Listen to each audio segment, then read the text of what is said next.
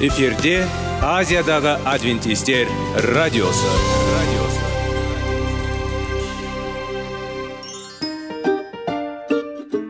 сәлем достар. Денсаулық өмір бұлағы және біздің бірінші байлығымыз демекші денсаулық сағаты рубрикасына қош келдіңіздер. Біздің рубрикада біз әртүрлі факторларменен мәліметтерменен кеңестерменен бөлісіп шын жүректен сіздердің дендеріңіз сау болғанын қалаймыз. Сол үшін біздің рубрикаға қош келдіңіздер. Дайындалып тұрыңыздар. Өйткені келесі минуттарда қызықты фактілерге ие боласыздар. Енді достар ең бірінші байлығымызды қолымызға алып алға кеттік.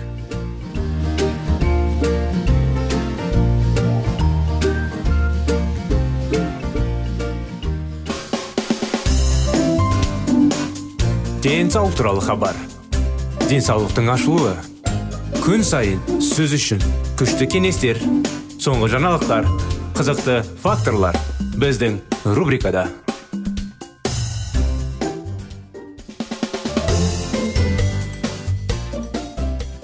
Сәлем достар. Ассалаумағалейкум біздің құрметті радио тыңдаушыларымыз. Біздің денсаулық сағат бағдарламамызға қош келдіңіздер.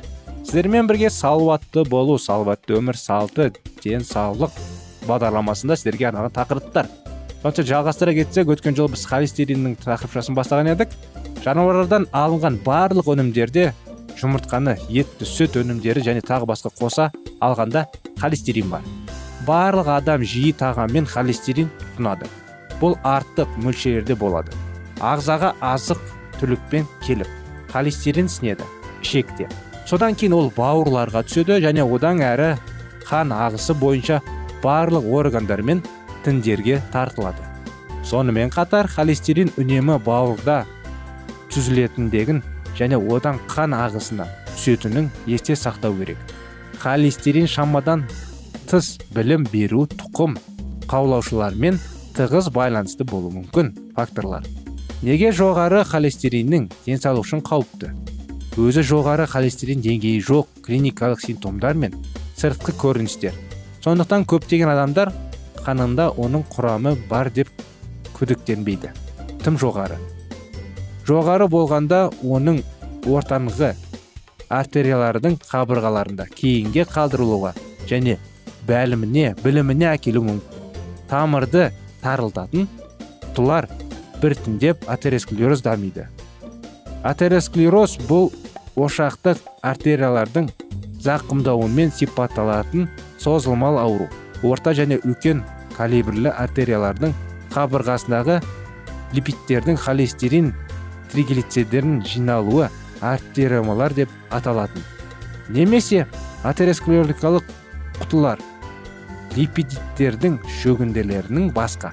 Зақымданған артерияларда денекер дәнекер де өседі дейтін тамырлардың қабырғалары кальцинемеді бұл ыдыс санырлауының деформациясына және тарылуына әкеледі. Нәтижесінде жүрек бұлшық ет аз қан түседі. Яғни ағзаның жасушалары оттегімен қамтамасыз етілмейді. Бұл әсіресе атап айтқанда физикалық жүктеме кезінде байқалады. Атеросклерозға дененің барлық артериялары бейім. Бірақ ең осал коронарлық жүрек тамырлары мойна тамырлары ұйқы артериялары бас миы төменгі аяқтар мен бүйрек. Бұл артериялардың атеросклерикалық зақымдалуының нәтижесі жүректің ишемиялық ауруы. Ишемиялық ауру бас миы өзгермелі хромот. Бұл аурударында асқынуы миокард инфарктісі ми инсульті және транзиторлық ишемиялық шабуларда болуы мүмкін. Табанның гангренасы. Холестериннің қандай түрлері бар? Май тәрізді зат сияқты холестерин айнала алмайды. Қанның таза түрінде ал липопротеидтер түрінде құрамына ақауыз протеин кіретін күрделі ақауыздар және май тәрізді заттар депозиттар түрлі липопротеид түрлері жаман және жақсы холестерин бар. Тығыздағы төмен липопротеидтер жеткізіледі матада холестерин бұл жаман холестерин деп аталады. Артериалдық ішкі қабырғаларында жеу және атеросклерикалық құтылылар қалыптастыру. Аз холестерин. Жан жақсы қан жақсы. Жоғары тығыздақты липопротиттер алып тастайды. Артериялар ұлпалар және оны тотығу үшін бауырға кері әкеледі. Және осылайша атеросклерозды пайда болмайды. Бұл жақсы холестерин және қан деңгейі жоғары. Соғұрлым жақсы болады. Қандай липидиттер бар? Триглицеридтер сондай ақ қан липидиттеріне жатады және қандағы майдың басқа түрі бөліп табылады. Тіпті барлық түрлерінің салыпты деңгейінде бірақ триглицеридтердің жоғарғы деңгейінде қан атеросклероз миокард инфарктісі дамуы мүмкін. Инсульт және басқа да жүрек тамыр аурулары қандағы триглицеридтердің құрамы алкоголь қан диабеті сезімдік майлы тағамға құмарлық кезінде артады. Жоғары деңгейде триглицеридтер жоғарғы 5-те 6 моль.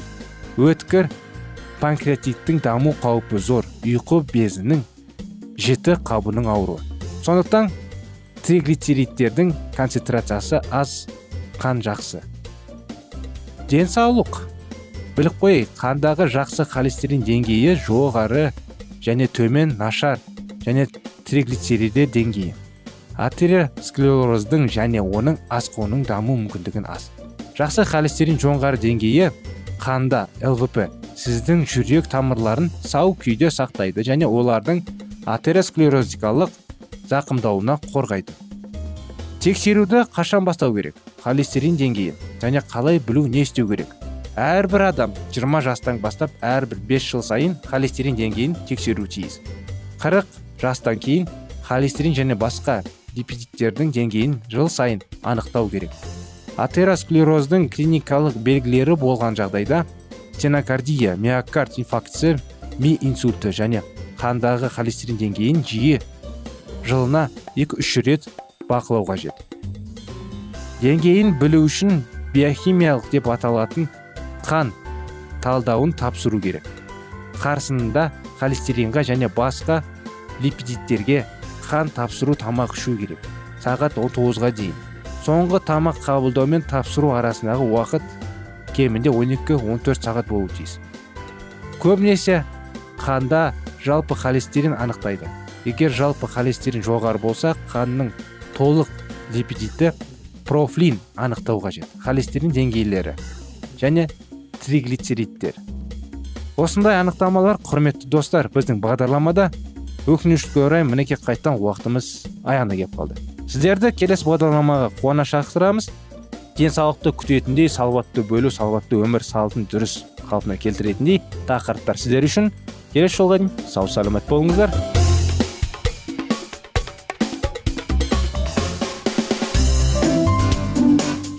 Денсаулық туралы хабар. Денсаулықтың ашылуы. Күн сайын сөз үшін күшті кеңестер. Соңғы жаңалықтар қызықты факторлар біздің рубрикада.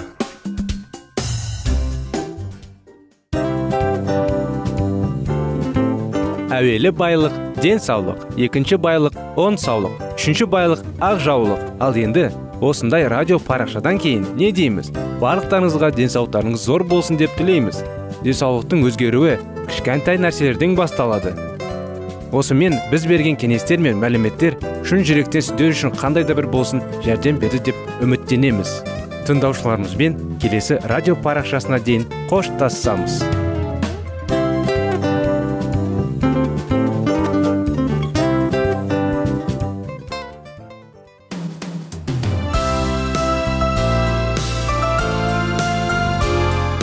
эфирде азиядағы адвентистер радиосы.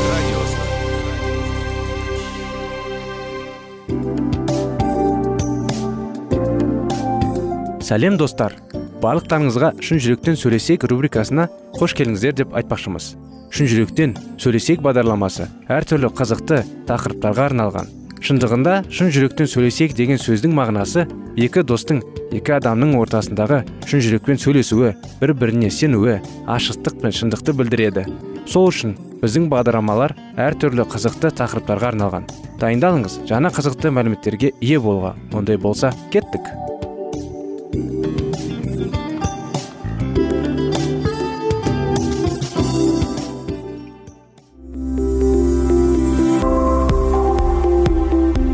алтын сөздер. Сырласу. Қарым қатынас жайлы кеңестер мен қызықты тақырыптар. Шын жүректен сөйлесейік рубрикасында.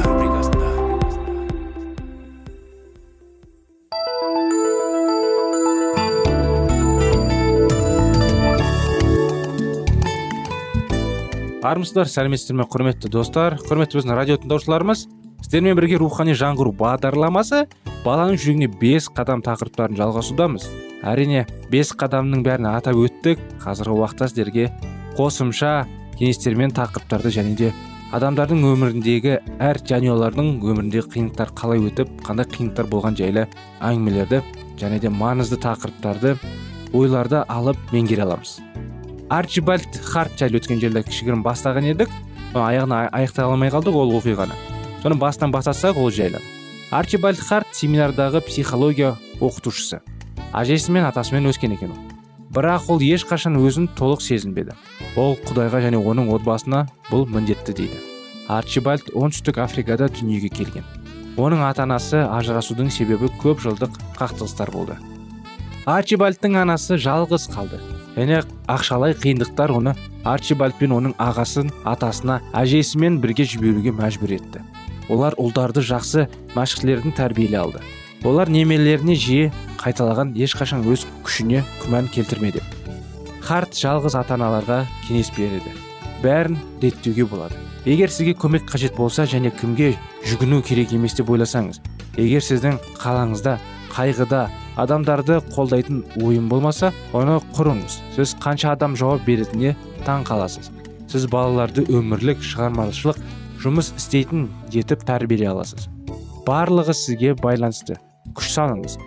Тым жеңіл өмір жанға ештеңе бермейді. Үміт жоғалтпаңыз және болашақ армандамаңыз. Бүгін сіздің қатысыңыз ашы болып көрінеді. Бірақ ұмытпаңыз. Ертеңгі күн болады және бәрі өзгеруі мүмкін. Егер сіз және сіздің балаларыңыз қайғы мен ренжуді жеңуге тырыссаңыз егер теріс сезімдер сізді сәл тастап кетсе сіз өзіңіз өсесіз жетілдересіз. Сондықтан әрі қарайды күмәнданбаңыз сіздің махаббат қажеттілігіңіз. Бұл тарауда ата аналар ажырасқан балалар туралы айтылады. Біз барланған адамдардың мәселелерін талқыламадық. Алайда бұл оларға махаббат қажет емес дегенді білдірмейді. Баланың махаббатқа деген қажеттілігін жалғыз өзі қанағаттандыруға тырысатын әкесі немесе анасы оған мұқтаж емес. Бала отбасы ыдыраған кезде кінәсін зұлымдығын қорқынышын сенімсіздігін сезінеді. Сол сезімді әкесі мен анасымен бөліседі. Күйеуін тастап кеткен әйел басқа адаммен қарым қатынас жасаудан қорқады. Тіпті ол оған жағымды болса да ол өзі күйеуінен кетіп қалған әйел. Мысалы ол оған және балаларға қорыққан өзін жалғыз және қажетсіз сезінеді. Ажырасуды бастан кешкен адамға махаббат басқа адамдарға қарағанда көп болуы мүмкін. Бұрынғы жұбайы бұл махаббат бере алмайды. Бала өзі қамқорлық қажет. Сондықтан әдетте мұндай ата аналар достардан махаббат пен қолдау іздейді. Бұл сізді жақсы көретініңізді тағы да сезуден ең жақсы жолы. Алайда жаңа танысулармен абай болыңыз. Сіздің жағдайда адам өте осал. Сіз махаббат іздеңіз және біреу оны пайдалана алады деп қойып бар. Әсіресе бұл қарама қарсы жыныспен қарым қатынасқан қатынасты басқа адамның шынайы қолдауы мен сезімдерді әрқашан емес сізге жұбаныш пен махаббат қажет және сіз оларға уәде берген әрбір адамға сенуге оңай дайынсыз. Сіз жай ғана сізді пайдаланатын жағымсыз құрбаны бола аласыз. Сіз бұл туралы есте және жаңа достарды таңдауда түсінікті және ұқыпты болу керек. Ең сенімді махаббат көзі. Уақыт сыналған отбасы жақсы білетін достар. Егер сіз махаббат іздеуге бас тартсаңыз ол сіз үшін трагедиямен аяқталуы мүмкін. Сонымен қатар сізді тағы бір махаббат көзі бар сіздің балаңыз. Қазір ол сізді итеріп отырса да жан тереңінде ол сізді өте жақсы көреді. Сіз оған қажетсіз. Психологтар шерил мен прудинс типпенс былай деп жазды. Сіз балаға жасай алатын ең жақсы сыйлық сіздің эмоционалдық физикалық ақыл ой және жан сұлулығыңыз бұл сізге қандай ашшы мүмкін? Сіз енді некеге тұрмайсыз? Демек сіз балаларды жалғыз тәрбиелеуіңіз керек. Егер сізге ерекше қиын болса да сіздің балаларыңыз үшін сіз тұтастық пен жауапкершіліктің үлгісі болуға тиіссіз. Сіз оларды ересек өмірге апарасыз. Егер бала отбасында әкесі мен анасы тәрбиеленсе біреу былай дейді. Егер сіз баланы шынымен жақсы көргіңіз келсе оның анасын әкесін сүйіңіз. Бұл шындық. Ата аналар арасындағы қарым қатынас балаларға үлкен әсер етеді. Егер сізде некеде бәрі жақсы болса егер сіз араңызда махаббат пен келісім болса сіз балаларды бірге тәрбие аласыз. Егер сіз үнемі бас тартсаңыз бір біріне жақындайсыз балаларды дұрыс тәрбиелеу екі талай сіз арасында махаббат жоқ болса олар оны сезінеді. Әрине сіз махаббат бақытты сау некенің негізгі екенін түсінесіз. Ересектер де балалар да сияқты жақын адамдардың махаббатын сезіну қажеттілігі бар. Бізге жұбайы бізді жақсы көру керек.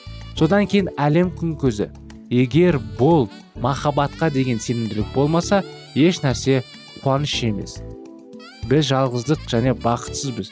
Және бұл ауыр зардаптарға толы. Отбасыда махаббат орнауы үшін ерлі зайыптылар ортақ тіл табу тиіс. Бұл тарауды біз ересектерде махаббат білдіру тәсілдеріне арнаймыз. Кітапты оқи отырып сіз өзіңізге бірнеше рет сұрақ қоюға шығарасыз. Мен қалай махаббатымды білдіремін?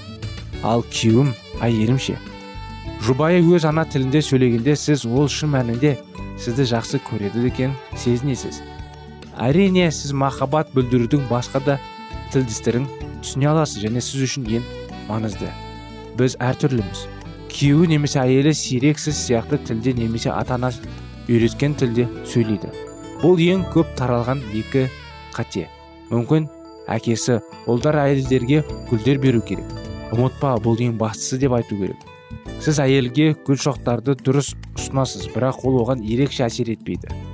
Деп осындай анықтамамен бүгінгі бағдарламамызды аяғына әкеп тоқтатамыз. Келесі жолға дейін қоштасатын уақыт болды. Келесі жолға дейін сау болыңыздар құрметті достар.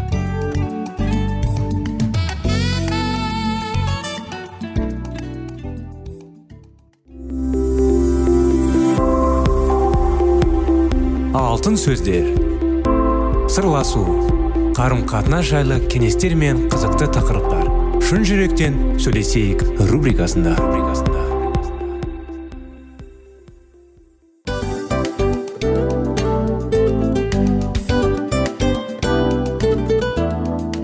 Құрметті достар барлық ең соңғы кеңестер аяқталған соң біздің программамыз соңына келіп қалды.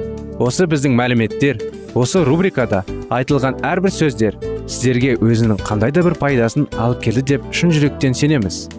Және бұдан да көптеген рубрикаларымыз бар. Басқа рубрикаларымызда біздің зерттеулерімізде сіздер үшін тағы да қызықты мәліметтер дайын. Біздің шын жүректен сөйлесейік парақшамызда көптеген әдістер ең соңғы кеңестер адамның нравственность жақтан моральдық жақтан тазалап байыта тұрған соңғы кеңестердің барлығын жанарады. Сондықтан алдыңғы күндерде бізбен бірге болыңыздар. Өйткені барлық қызықтар алдыда. Бізбенен бірге болғандарыңызға үлкен рахмет. Келесі кездескенімізше сау сәлемет болыңыздар.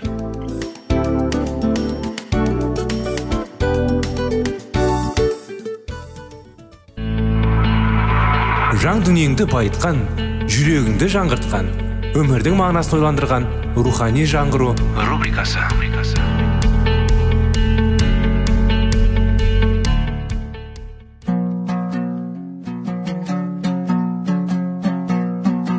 Ассалаумағалейкум біздің тыңдаушыларымыз. Келі кітаптың шындығын ашып берген қысқа бағдарламасына қош келдіңіздер. Барлығынан жоғары жаратушы біздің қарыңғылықта жалғыз қалдырып қойған емес. Өйткені ол келешекте не болу керек екенін киелі кітаптың парақтарында ашып береді. Немесе келіңіздер бізге қосылыңыздар. Жаратушы бізге нен ашып бергенін зерттейміз. Армысыздар ассалаумағалейкум біздің құрметті достар құрметті радио тыңдаушыларымыз. Біздің рухани жаңғыру бағдарламамызға қош келдіңіздер. Сіздердің назарларыңызға сиынуды қалай үйрену тақырыптарын жалғастырудамыз. Мектептегі сабақтарды мінажат рухы басқарады. Келіңдер табанды тәжірибелі сиынушының болу үшін не талап етілетінін көрейік. Бірінші рух біздің жүрегімізге күнделікті үздіксіз исаны ашып беруге тиіс. Бұл ең бастысы. Бұл біз оны көрген сәтте жүрегімізде мінажаттың туындауы үшін қажет. Еркінде ашық мінажат біз мәсіхтің мінажатты орындай алатынын білеміз. Сондай ақ біз ол үшін мұның қандай қуаныш екенін де білеміз. Мінажат мәсіх пен сенушінің арасында қуанышты және тығыз қарым қатынас орнатады. Киелі рух жүрекке мәсіхті ашып беруіне кедергі келтіретінін бәрін жояды. Мінажаттың күрес бөлімінде бұл туралы не жазғанын оқы. Екінші рухтың кенесі сонымен қатар біздің бойымызда өзгелерге деген шынайы жаналарлық сезімін ояту басқалар үшін мінажат ету екі жақты тұғырды. Мәсіх пен мұқтаждықты айналып тұратын эллипске ұқсайды. Келі рухтың мінажаттағы көмегі бізге осы тұғырдың екеуін де ұдайы көрсетуге және әр күн сайын бізге мәсіхті және мұқтаждықты өз алдымызда ұстауы. Келі рухтың бойында күнделікті еңбек етіп жатқанының жұбанышын тап. Саған мәсіхке және осы дүниемнің мұқтаждықтарына көз дерінде алмай тарап жүруға өз күшімен тырысуының қажеті жоқ. Одан да киелі рухтың мәсіхті және мұқтаждықтары сөзде. Және мінажатта күнделікті айтатындарына құлақ ас. Сонда сен көп ұзамай мінажаттарыңды және басқалар үшін сұрағанда прогресті байқайсың. Үшінші. Киелі рух бізді мінажатта тек өзімізді ойлауымызды үйретеді. Мінажат еңбегі мен басқалар үшін сұрау өзге ең бектерге қарағанда көбірек табандылықты қажет етеді. Және келі рух бізді осыған жетелейді. Өйткені бұл еңбек құпия атқарылады. Бізге бұл істе өзгелер көріп тұрған әрекеттерін көрі. Тұрақтылық таныту қиынға түседі. Істеп жатқандарымызды өзгелердің көргеніне біз үшін соншалықты маңызды екенін таң қалдырады. Бірақ бұл жерде мәселе біздің сүйгеншілігімізде ғана емес. Еңбегіміз құпталып бағаланған кезде бұл біздің ынтамызды күшейтеді. Өз еңбегіміздің жемісін төзірек көруді қалайтынымызды осыған жатады. Бірақ мінәжаттық еңбектің мынандай бір қасиетті бар орындалған жайт біздің басқалар үшін сұраған мінәжатымыздың немесе өзге біреудің мінәжаттың немесе жемісімен біз ешқашан анық айта алмаймыз. Бұл жағдайлар мінәжаттың еңбек көзінде өзінің тілектеріңді қоя тұрады талап етеді. Сондықтан біз осы еңбекті атқаруға жеткілікті дәрежеде адамдар табудың қиын екенін көреміз. Сенушілердің көбі уағыз айтқалары келеді. Және олар өздерін бұл еңбекші шақырмаса ренжиді бұл бұған шақырылған адамның көбіне үлкен ынтамен кіресетіні сондай. Оны мінбеден аз уақытқа түсіндірудің өзі қиынға түседі. Ал өз қамын үшін емес басқаның қамы үшін мұнажат ету еңбегі туралы сөз болса әдетте оны атқаруға ынталы адамдар аз болды. Себебі бұл еңбек ешкімге көрінбейді және лайықты түрде ешкім бағаламайды. Мүмкін сен тәубеге келген бір адам үшін ұзақ жылдар бойы сиынған боларсың. Міне бір күні жиналысқа әлгі адам келіп бірінші бол тәубеге келеді. Бірақ ол үшін сенің ұзақ жылдар бойы сиынғаныңды ешкім білмейді. Сондықтан ешкім сен туралы және сенің істегенің туралы ештеңе айтпайды. Керісінше қандай күшті уағызшыдан қандай ояныш болды деп бәрі уағызшыны мақтайды. Досым егер сен өзінің тыныш елеусіз еңбегінен жалыға бастасын онда құпия істердің бәрін көретін әкенің саған беретін сыйын есіне ал. Ол сенің барлық мұнажаттарыңды естіді және осы жанның құтқарылуы үшін не істегеніңді анық біледі. Сондықтан егер қазір болмаса да өнім жинайтын ұлы күнде сен өз тәжіңді иеленесің нәзікке де қиын мұнажат өнерінде басқалар үшін сұраған сиыну әрине ең қиыны. Бұл еңбек маған адамдарға бәрінен де қажет секілді. Мұнажаттың еңбек бөлімінен көрінгеніміздей ол сондықтан да ең маңызды еңбек жоғарыда айтылған маннедорфтегі орталыққа барғандардың ешқайсысы онда күнделікті атқарылып жатқан сан қорлы еңбекті целлердің басқарушы тұруға екендігіне күмәндаған жоқ. Біздің осылай ойлайтынымызды сезгендей бір күні целлер осы еңбекте кімнің басты рөл атқаратыны туралы әңгімелер берді. Бұл осы еңбектің ең басынан ат салысқан күйеуіна еді. Ол әрқашан мойынсұнып үздіксіз мінәжат етеді қазір ол әбден қартайып тіпті жүруден қалыпты. Целлер көзіне жас алып оның қандай сүйінуші болғанын күнбе күн қызметкішілердің бәрін мінәжатымен қолдап жүрген туралы әңгімеледі. Егер мұнажатта өзгенің қамы үшін сүйіну осында жоғары өнер болса онда оның ұзақ үйренуді талап ететініне таңдамайсың бірақ құдай дауыстарын әртүрлі жетелейді. Бұл жерде белгілі бір ерекше орнатудан сақ болуымыз қажет. Біз тек өзіміздің көркенімізді айта аламыз. Бұл жерде мен өзім кездестірген ең табанды нағыз сенуші сүйінушілер мұнажатта басқалар үшін сұраудың осы қасиетті өнерін көптеген қайғы қасіреттер мен ауыр азаптар арқылы үйренгендеріне айта кетуге тиіспін. Маннедорфтегі әйел секілді олардың кейбірі сондай тек төсек таратқан түйінде де сина береді. Иә олар сина білетін еді. Адамдардың назарына тыс оңашада олар өздерінің қарапайым және тұрақты мұнажаттары арқылы көршілеріне қалаларына елдеріне және бүкіл дүние жүзіне әрекет еткен рухани күштің денгені болады. Осындай жұрттың назарынан тыс сенушілердің көрген кезде мен оларды ұдайы қуатты электр бекетімен салыстыратынмын. Ол бекеттер де белгілі бір шектеулі алқаптарда орналасқан. Алайда олардың біз үшін қаншалықты маңызды екені қандай да бір себептермен жұмысы тоқтатқанды түсінеміз. Сондай біздің үйлерімізді қараңғылық басады. Зауыттардың жұмысы тоқтайды. Мінекей құрметті достар осымен біздің бағдарламамыз аяғына келді. Сіздерді келесі бағдарламаға шақырып келесі бағдарламаға сау болыңыздар дейміз.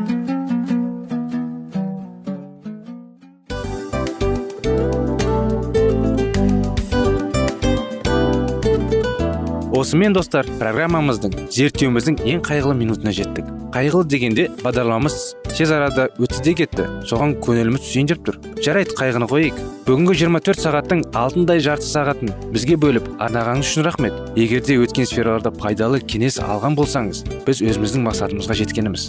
Тыңдаушыларымызбен қоштасу уақыты келді. Келесі кездесулерді сағынышпен күтеміз. Жарты сағатты кездесуіміз көз ашып шапқанша дем арасында өтіп кетті. Бірақ бізде жақсы хабар бар. Келесі зерттеулерімізде сөзсіз кездесеміз. Өйткені көптеген сюрприздер қызықты мәліметтерді және керекті нәрселерді көбін дайындадық. Бүгінгі күндеріңіз өзгеше позитивті болсын. Жақындарыңыз аман есен болсын деп тілейміз. Жаратқан ие барлықтарыңызға батасын берсін. Істеген істеріңіз игілікті болсын. Келесі кездескенше сау саламат болыңыздар. Достар біздің бағдарлама бойынша сұрақтарыңыз болса әрине сіздерге керекті анықтама керек болса біздің whatsapp нөмірімізге хабарлассаңыздар болады. Плюс бір үш жүз бір жеті жүз алпыс алпыс жетпіс. Иә достар сіздер қателеспедіңіздер бұл біздің номерлерге ұқсас болмаса да бұл whatsapp номер арнайы. Хабарласыңыздар сұрақтарыңызды қойып тұрыңыздар. Анықтаманы алып тұрыңыздар. Плюс бір үш жүз бір жеті жүз алпыс алпыс жетпіс whatsapp номері